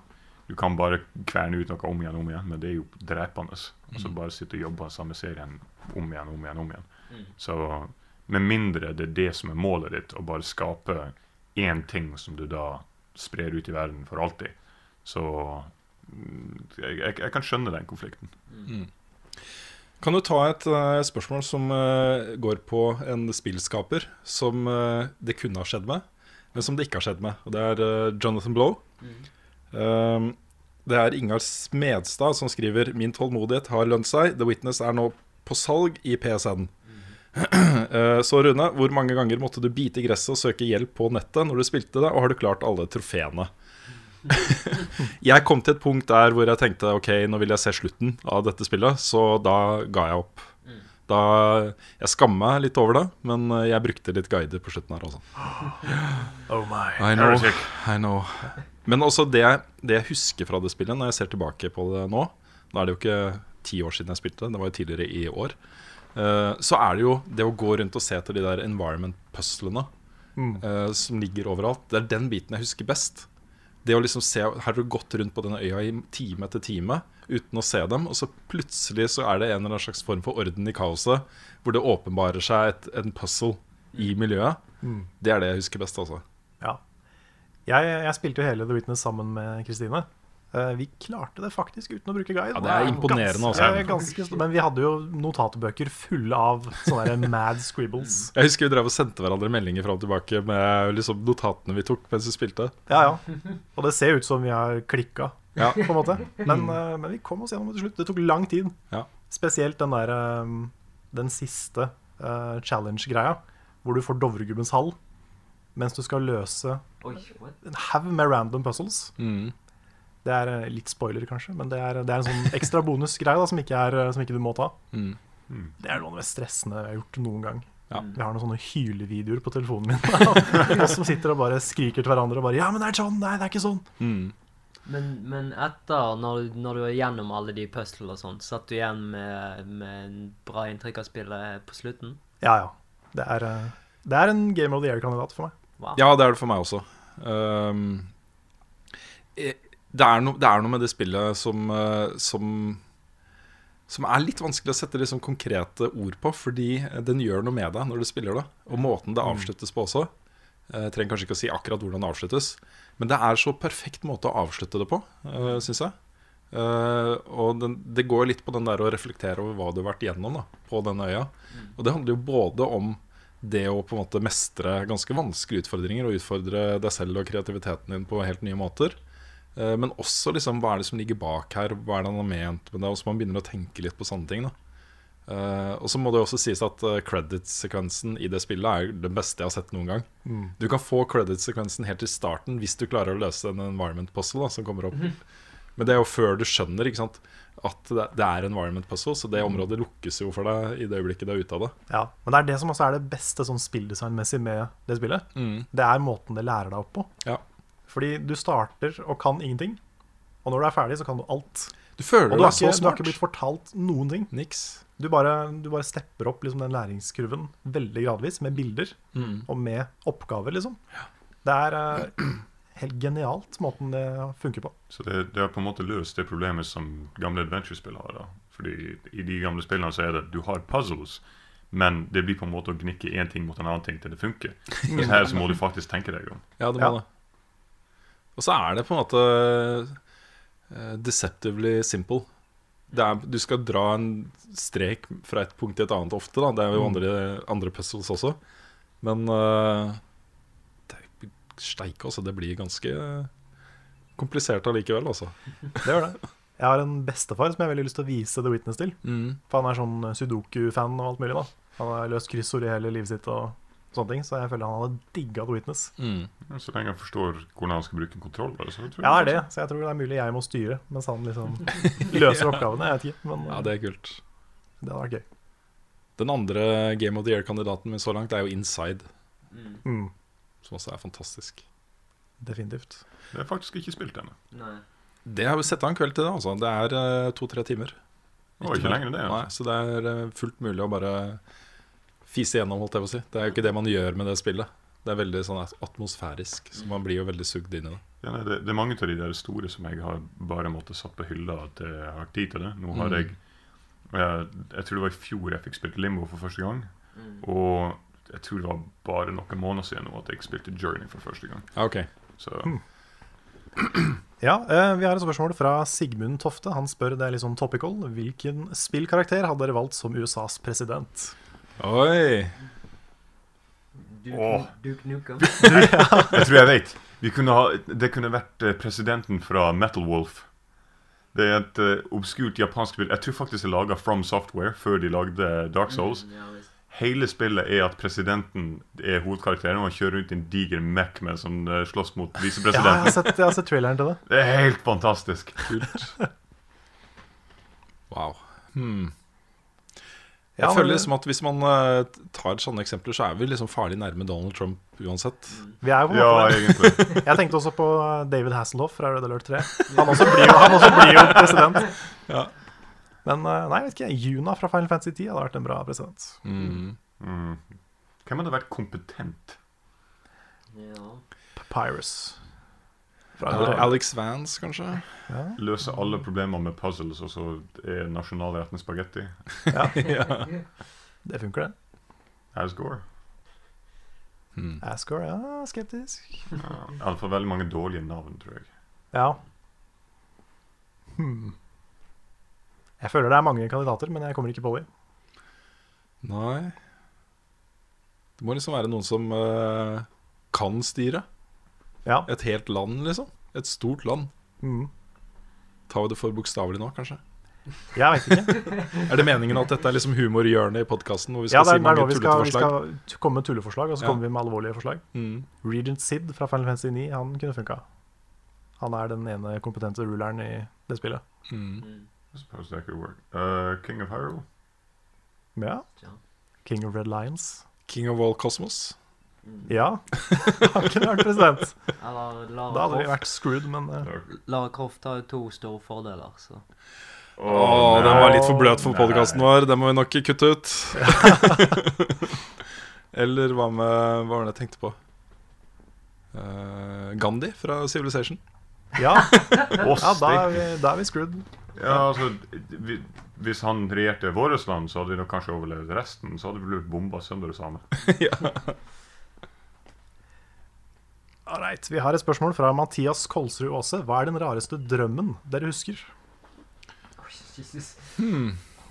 Åh, det er veldig mange. Uh, ja, shit. Jeg har hatt en drøm hvor det er en traktor som har rasert huset vårt. Det er vel uh, Altså en sånn leketraktor, da. Sånn liten en. Det var jo egentlig ganske sært. Men jeg, jeg sluttet å leke med traktorer etter det. da. Traumatisk. Ja, det var ganske Jeg hadde en, eh, jeg husker, Den jeg husker best fra barndommen, er eh, Det var en drøm som eh, ble en føljetong. Jeg drømte også, eh, Det var mareritt, da. Og Jeg drømte til jeg ble så redd at jeg våkna. Og så fortsatte pinadø drømmen der det slutta. Natta etter. Sånn holdt jeg på en stund. da Jesus. Den historien bare utvikla seg og utvikla seg. Og det var sånne vampyrer uten hår og store ører og Det er jo de som er de beste. Ja, det var ganske creepy, altså. Eh, OK, jeg har en. Det, eh, jeg vet ikke om det regnes som en drøm fullstendig, men jeg har av og til soveparalyse. Um, og det betyr Du kan få de to varianter. Det ene er at du våkner opp om natta og kan ikke bevege deg. Det er egentlig det er ikke skremmende. Det er bare det at Å, jeg er trøtt. Jeg kan ikke flytte på meg. Ja, gå, gå og legg deg igjen. I guess. Eh, men det andre er at hvis du er skikkelig trøtt, så kan du hallusinere. Og det kan bli veldig ekte. Så dere skjønner fort hvor det her kommer til å gå. Vi hadde nettopp sett Paranormal Activity. og uh, Vi synes den var kjedelig. Altså, det, det, var ikke, det var ikke skremmende overhodet. Det var helt bankers. Vi bare så igjennom sånn eh, Vi har sett en film. Kjekt. Og så går vi og legger oss. Og det første jeg legger merke til, at eh, soverommet ligner veldig på det i filmen. Så det var litt creepy. Men OK. Men så legger jeg meg til å sove. Og før jeg får, får sovna skikkelig, så får jeg soveparalyse. Og hallusinerte at noen tok handa opp på ansiktet mitt og knalla til meg. Oi, oi, oi. Så det føltes faktisk som at noen slo meg i ansiktet. Og jeg våkner jo opp med skikkelig vræl. Å, hva i helsike! Noen slo meg i ansiktet. Og Julie var jo vettskremt av det her skjedde, så vi fikk ikke sove skikkelig på flere døgn etterpå. Og det er sånn Du vet det er feil, men hæ? ja. Uff, det hørtes ille ut. Skikkelig ille. Ja, det er ekkelt. Ja, jeg har en drøm. Jeg vet ikke om den er Den er ikke helt PG. Men, eh, men vi, kan, vi kan prøve. Um, jeg drømte at jeg drev og bakte. Bakte muffins. Så, så det, it, it, it will make sense. Um, jeg, jeg drømte at Kristine og jeg drev og bakte muffins. Og så uh, dro vi på et con. Eller sånn veldig sånn proft, litt sånn uh, Litt sånn konsollaktig con. Og så skulle jeg representere level up. da Jeg hadde på meg liksom full dress, og det var veldig sånn fancy. Jeg hadde visittkort. Uh, men de visittkortene hadde jo ligget på kjøkkenbordet mens jeg hadde bakt muffins. Og så var jo de da fulle av liksom melis. Og så tar jeg bare gir kortet til en veldig sånn viktig businessperson. Og så ser han på det, og så ser han på meg og blir veldig alvorlig. Og sier sånn Du, det er køm på kortet. og så sier Nei, nei, det er melis, sier jeg. og så tror ikke han på meg, så han blir sånn kjempefornærma. og jeg bare Nei, nei, men seriøst, det er melis. Jeg lover at det er melis. Og han bare nekter for at dette, dette er melis. Så, han, så begynner han liksom vise det til folk. du, dette, her, han har gitt meg cum-kort. liksom, det blir bare verre og verre, da. Og så våkner jeg. Men uh, det, var, det, er litt sånn, en litt sånn kreativ variant av den der man er naken-drømmen. Ja, det er uh, virkelig også. Ja, så den var, jeg føler at de visitt, visittkortene vi ender opp med å lage, bør ha melis på seg. Bare Ja. som en sånn inside uh, Sånn melis-flekk. Ja. Er, det sånn, er det det du får når du går på spermbanken? Sånn, du får camcord? Det, det høres for relaterbart ut til å være en drøm, altså. Vi tar neste spørsmål. Det er fra Mats Østreng Veland.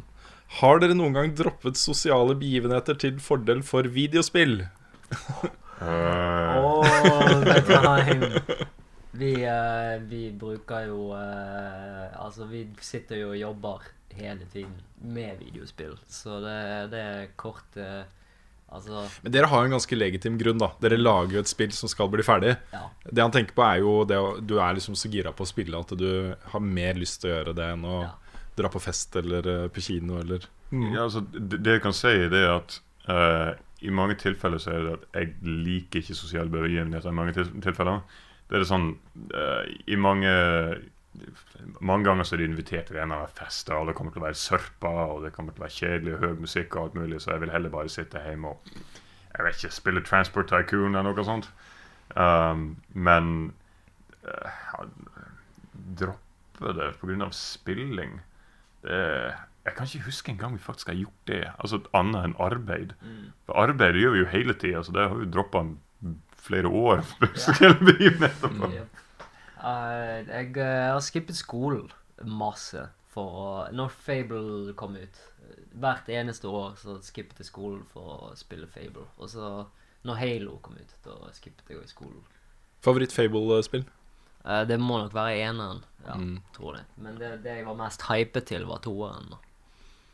Men, eh, men det må jo sies det at mange sosiale begivenheter er jo pga. spill nå. Mm. Altså, du tar med deg eh, du, du dukker opp der, og så spiller du co-op på, på PlayStation. Eller Mm. eh, du tar med deg hva som helst, egentlig. Du kan ta med laptopen og spille noe sammen med andre. Så det er jo ikke nødvendigvis en barriere lenger. Ja, det er sant, det. Og så er det, jeg tror eh, Altså Nå er vi jo blant venner, og spørsmålene vi har fått, er av sanne folk som oss. Og alle kjenner jo på den der følelsen av å spille et spill man liker innmari godt. Også den, den uh, Det suget det gir i mellomgulvet, liksom, i magen, etter å spille det når du ikke spiller det. Det skjer jo av og til, ganske ofte for noen. Og uh, det er jo det morsomste man kan gjøre. Så jeg skjønner jeg, Det har skjedd meg flere ganger at jeg har vært invitert på noe som jeg har liksom Ok, Normalt sett ville jeg selvfølgelig synes det har vært kjempegøy å være på det. Men akkurat nå, mens jeg spiller dette Tomb Raider-spillet, eller hva som helst, så er det det jeg har lyst til å gå hjem og Det er det jeg har lyst til å bruke tida mi på. Det, er det, det er det morsomste jeg kan gjøre akkurat nå. Ja. ja, det har nok hendt med meg òg, men jeg tenker også litt sånn som deg. At uh, det har ofte vært liksom Hvis jeg har sagt nei til noe, så er det fordi jeg ikke har lyst. Ikke nødvendigvis fordi jeg heller vil spille. Ja. Den, jeg tror den eneste, det eneste tidspunktet der en innbitt bestemte for at jeg skal spille med ingen distraksjoner overhodet, var da Skyward Sword kom ut. Jeg var en av de hedningene som faktisk likte det spillet. Nei, det er bra. Jeg syns det er bra. Yes, det finnes andre! ja, nei, jeg jeg, syns det, var- det var et veldig bra spill, det jeg spilte. Uh, hadde sine feil, men det var bra. Men da det kom ut, så kjøpte vi det uh, Jeg tror det var til jul. Kjøpte Special Edition. Og uh, da var det meg og broren min eh, som satte oss ned og spilte det. Og det var fordi vi visste at når det her var ferdig, så var det hjem og jobbe. Så vi satt bokstavelig ingenting annet i tre dager i strekk og spilte det til det var ferdig. Gjorde alt. Det er jul, altså, for meg. Mm. Åh, deilig. Har du flere spørsmål hos deg? Eh, nei, ikke egentlig. Ikke egentlig. Hva i all verden er feil med Ja, nei, det var, det var en del Det var mange spørsmål på Facebook, men vi har svart på de fleste av de før. Så, Nettopp. Jeg tar et fra Even Ersland, uh, som skriver Grafikken i spill blir bare penere og penere, og teknologien blir bare bedre og bedre. Tror dere det kommer til å stige framover de neste 10 de neste 10-20 årene? Eller frykter dere at en dag kommer det til å treffe en vegg der forskjellen på spill kommer til å være mikroskopisk små fordi maksnivået på grafikk er nådd? Um, og det er, jo en, det er jo ikke noe tvil om at den teknologiske utviklingen er viktig for spillmediet. Det, eh, det kommer jo stadig nye grafikkort og nye konsoller som upper den der ganske betydelig. Eh, og at vi begynner å nærme oss noe som er liksom fotorealisme. Og mange er jo opptatt av det. Men vi har vært inne på det tidligere også. Er fotorealisme det ultimate målet i spill? Nei, det, som er det, det er på en måte to fasetter til det spørsmålet. Det ene er uh, Kommer vi til å kunne differensiere mellom uh, forskjellige typer medier? La oss si det at du går kanskje to eller tre generasjoner med konsoller fremover i tid. Eh, vil det egentlig se så pinadø mye bedre ut for en, en helt standard person som spiller spill, enn uh, moderne spill nå? Det er, hvis du går for fotorealisme, på et eller annet tidspunkt så er det Folk merker egentlig ikke så mye. Det, du har til og med hatt folk som ikke legger merke til forskjellen på en, uh, en uh, 360 og en Xbox One-grafikk. Eh, så på et eller annet tidspunkt så er det Det har egentlig ikke så mye å si. Um, det som kommer til å ha noe å si, regner jeg med, er hva du kan gjøre med det. Altså eh, På et eller annet tidspunkt så må vi innrømme for oss sjøl det at det som er interessant, er interaksjon, og hvordan du bruker elementene innenfor konsollen og PC-en, eller hva nå enn du spiller på. Eh, det var f.eks. på et eller annet tidspunkt eh, da Jeg tror det var da Dreamcasten kom ut. Så var det noen som lagde et skytespill. Jeg husker ikke hva det heter. Det er ingen som kjøpte det. Men de lagde det til å se ut som bare bokser og uh, streker og alt mulig annet. Men de fokuserte kun på at hele spillet skulle være fylt med partikler. Og det var noe helt nytt. De bestemte seg for å ikke lage fotorealisme, ikke lage 3D, ikke lage pen grafikk engang, bare at du skulle kunne ha så mye på skjerm som mulig.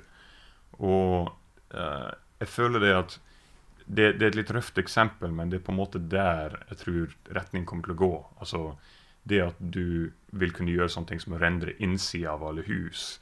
eh, det at du kan ha et helt kontinent som sprekker opp, og det er full detalj på det. Den typen ting. Men penere er såpass subjektivt at jeg tror ikke det har noe å si. Jeg tror, jeg tror det, er det, det, det er mest der man har mest å hente, det tror jeg er på sånne ting som, eh, som interaksjon og også eh, AI og troverdige rollefigurer, NPC-er. det å på en måte være i en verden som føles mer naturlig. Og troverdig. Det tror jeg kanskje er det største skrittet. Et større skritt enn fotorealisme, tror jeg. Ja, jeg føler liksom at eh, spesielt PR-bransjen innen spill har solgt liksom grafikk og realisme i alle år. Og jeg gleder meg egentlig først og fremst til de slutter med det. For det er så mye mer som er mye mer spennende å se på Ja. enn det. Så jeg gleder meg litt egentlig til de slutter, slutter å bare fokusere på det. Mm. Ja, abstraksjon er mye artigere, men folk glemmer hva abstraksjon egentlig er. Mm. Sånn, hvis du har en, en tegneserieaktig figur eller noe som ikke er helt absolutt fotorealistisk, så er det abstraksjon. Men det er Folk tenker på det som eh, Salvador Dali eller Picasso eller et eller annet i den duren. Så det, jeg føler at det er der retninga kommer til å gå. Det er bare at du må Folk må på en måte innrømme det for seg sjøl og være OK med at dette er vi kan begynne å eksperimentere litt med det i stedet. Altså Ta Pixar og Disney og Dreamworks, altså animasjonsfilmer. Uh, hvor utrolig uttrykksfulle de er, og hvor mye følelser de skaper. Mm. Vi snakka om det på streamen i, i går. Vi, satt, eh, vi så jo den nye uh, kortfilmen til disse to Pixar-artistene, som har lagd en kortfilm som heter Borrowed Time. Og steike, den var pen, Også. Ja, utrolig pen. Også så følelseslada. Og spill kan godt se sånn ut. Ikke Mm. sant? Det må ikke være fotorealisme. Selv om det på en måte er det litt da i den med miljøene og sånne ting. Så er det jo uh, veldig karikerte rollefigurer. Uh, du ser at dette ikke er ekte mennesker, liksom. Det, men det er allikevel veldig effektfullt, altså. Jeg føler Windwaker var veldig forut for sin tid på akkurat det der. Mm, mm. Det var jo, Folk ble fly forbanna da de så det første gang, men eh, det har jo holdt seg utrolig bra.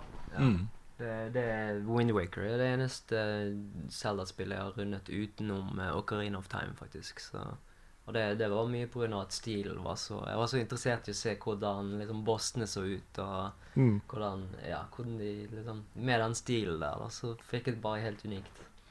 Men der har du en, en, et til eksempel på um, utviklere som forstår sitt produkt bedre enn uh, folk flest. Det er, jeg føler det, det er fryktelig mange nå som har prøvd å på en måte gjenskape Zelda i sitt eget indiespill eller storproduksjon der de har laga. Dette, dette er et Zelda-type spill. Men uh, ofte så er det at du gjenskaper noe uten å vite hvorfor de brikkene er der til å begynne med. Og jeg føler Windwaker er et perfekt eksempel på det. Fordi du kan lage et spill som overhodet ikke ser ut som det som har vært tidligere, men du kjenner likevel at det er et Zelda-spill. Det fungerer sånn som det skal være, og brikken er lagt der på den måten som de skal være. Det, abstraksjonen bare gjorde det bedre. Da nærmer podkasten seg brått slutten, og vi må takke våre kjære gjester for at de ville være med såpass lenge og såpass mye. Ja, Det at dere har dedikert så mange timer til oss eh, i avslutningsfasen av Alboy, Owlboy, setter vi veldig stor pris på. Altså. Det er kjempeålreit. Så- Ja, for all del. Men det her blir gøy å følge med på. Jeg kjenner at det kribler litt i kroppen. Jeg Mm. gleder meg til lansering og gleder meg til å se liksom, hvordan folk reagerer på det. Og eh, ikke minst så gleder jeg meg til å spille det selv. Jeg skal rett hjem og spille Owlboy nå, kjenner jeg. Ja, jeg, jeg har jo ikke en PC som fungerer til, til noe. Også, når jeg redigerer video på den, så krasjer den liksom tre ganger i løpet av en Også Det er så pyton. Og eh, Siste året, halvåret cirka, så har jeg bare kunnet spille på, på konsoll hjemme. Og jeg savner å ha en PC som funker hjemme. Altså. Ja. Det må jeg bare skaffe meg. ASAP. Så, men uansett, lykke til. Og tanken er jo kanskje følge litt med på selve lanseringsprosessen også. Så, så det blir gøy. Så nå er det jo dere som er gjester her hos oss, så tusen takk for at dere er på besøk. Ja, det er bare hyggelig. Det har Bare vært koselig. pizza og kakemenn og Julebrus. Julebrus. Det er ikke måte på. Kjempehyggelig. Vi tenkte også å ta noe som er litt long overdue, Carl. Ja. Carl? Carl. Carl? Long overdue Carl. Carl? Ja, det, det tenkte vi. Fordi vi har, vi har en gjeng med fantastiske, flotte, nydelige mennesker som backer oss hver måned på Patreon. Og eh, vi har, vi har jo en sånn, eh, en sånn eh, Hva heter det? En sånn Patrion-tier hvor man eh, får shout-out i podcasten. Og det tenkte vi vi skulle gi nå, litt sånn på overtid. Og eh, det er ganske mange navn, så vi skal gå ganske kjapt gjennom dem. Men det er, eh, dette er da de beste, peneste, flotteste, snilleste, kjekkeste menneskene i hele verden. Mm. Selvfølgelig. Selvfølgelig. Som vi, som vi nå skal liste opp. Så informerer vi hele verden om at dette her er de beste menneskene. Ja, så? Ja, det, det er det, altså. Men, men uh, holy moly, det er Det at folk velger å backe oss på Patreon er jo en ting som vi er takknemlige for hver eneste dag. Mm. Uh, alle fortjener egentlig en shout-out, men uh, det er jo noen som gir litt mer. Og det er jo det som er belønningen. Nettopp. Det at vi leser opp navnet høyt. Riktig. Det kommer også det, vi, har ikke, vi har ikke forberedt den delen her. Jeg vet ikke om det er tydelig. Men, Ja, Forrige gang vi hadde shouta, så lagde vi en liten historie til alle sammen. Ja, det tok litt for lang tid. Ja, Jeg tror- Da ble vi sittende kjempelenge. Ja, jeg tror ikke folk syntes det var så gøy å høre på Nei, jeg tror ikke det 40. personen. Nei. Men eh, her kommer altså litt fortere enn forrige gang. Uh, navna på våre, eh, våre backere som har gitt aller mest på Patreon. Og da begynner vi med Truls Nordby Olsen, David Egeland Fres, Tobias Gjerlaugsen, Erik Nyberg Skilnad, Skilnan, unnskyld, Thomas Steingrimsen, Bjørn Thomas, Pål N. Bjerklund, Martin Sanningen, Erik Dale, Eirik Dale, nå må jeg lese litt tydeligere her. Ole Kristian Rudstaden, Kristian, han heter bare Kristian. Pål Hagevik, Elias Gunnestad, Rolf Helge Øvergård Ingebrigtsen, Ole Marius Aasland, Sigurd Sandbakken, Tony Flaten, Mats Jacobsen og Martin Samuelsen. Og nå skal Rune få lov å lese de siste Skal jeg lese de siste? Yes. Er det fra fra mellomrommet. Det er bare Lasse. Lasse. Espen Førde. Morten Reinås. Otto Knoff, eller Knopp? Det må Knopp. Otto Knopp. Otto Knopp. Ja. Eh, Eirik Bratland. Hans Thomas Hansen. Tim André Stubberud. Sondre Flateby. Torbjørn Venås Årsnes. Stig Roar Evjen. Håvard Olsen, som vi Ja. Ja. Mm. Eh, Marius Kleppan. Eskil Teigen. Raymond Stebekk. Reidar. Eh, Arnt Fissum Rian. Agnar Dahl. Torbjørn Langland. Eh, Ole Sjøren. Spillsonen. Hey. Kult. Eilif eh, Kiland. Anders Lønning. Espen Øverby. Simon Størkersen. Knut Marius Solbakk. Jostein Johnsen. Svein Erik Hegmo. Martin Gulbrandsen. Bjørn Furuknapp. Eh, Rune Stavnes. Truls Petter. Og Audun Møgster. Det er litt spesielt å se de navnene. Også, Ja, for det er mange av dem vi kjenner igjen. ja, og mange av de kommuniserer vi jo med ganske jevnlig. Og det var et navn du leste opp som jeg spiller med nesten hver eneste dag. Mm. Uh, og det er, det er litt gøy da å se liksom navnene her. Ja, det er liksom folk vi har fått et forhold til, Ja, det er utover det at de er på Patreon. Ja, jeg sitter liksom ikke og studerer de listene med navn og folk som backer oss heller. Um, så ja. Jeg føler meg veldig takknemlig nå. Rørt. Ja, det er uh, utrolig koselig at dere er med oss. Og dere, dere bidrar jo så voldsomt til at vi kan gjøre dette her, det vi gjør, og det vi koser oss med å gjøre hver dag. Ja. Og Og mens vi er- snakker om Patreon, så kan vi også nevne at uh, der skal vi gjøre en, en revidering. Det skal vi. Det kommer snart. Det gjør det. Nye mål, Uh, Nye rewards også. nye awards. Det kommer en video på kanalen om ikke så altfor lenge, mm. hvor vi eh, kommer til å informere om masse greier. Så det er bare å vente og se. Jepp. Skal vi runde av fra Askøy? Det, det kan vi gjøre. Dette er offsite-produksjon, altså. Ja, dette er sånn veldig annerledes. Dette Ja. ble en veldig annerledes podkast. Litt sånn eksotisk podkast fra Askøy. Yep. Eh, men ja, da gjenstår det bare å si hjertelig tusen takk til alle som har hørt på. Så ses vi igjen, eller høres igjen, neste gang det skjer noe gøy. Klippe inn, for jeg kom ikke på noe sitat. Kommer du ikke på noe sitat? Har dere, har dere et bra spillsitat? Ja, fra Alboy. Er det noe Dere- sitat fra Alboy? Ja, gjør det. Ta et sitat fra Alboy. Sitat. Hva skal være sitat fra uh, Opp med mikrofonen. Jeg Ja, men vi, er fortsatt, vi ruller fortsatt uh, bånd. Dette er gøy. Er dette gøy? Ja, det er gøy. Stuff, stuff your face with food is what I always say. Yeah, stuff your face with food. That's what I always say.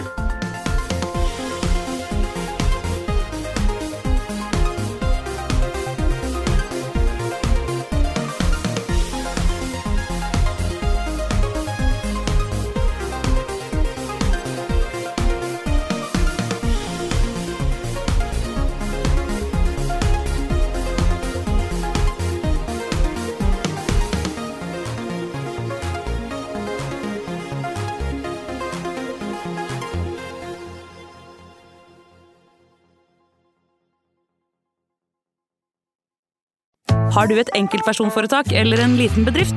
Da er du sikkert lei av å høre meg snakke om hvor enkelt det er med kvitteringer og bilag i fiken, så vi eh, gir oss her, vi. Fordi vi liker enkelt. Fiken superenkelt regnskap.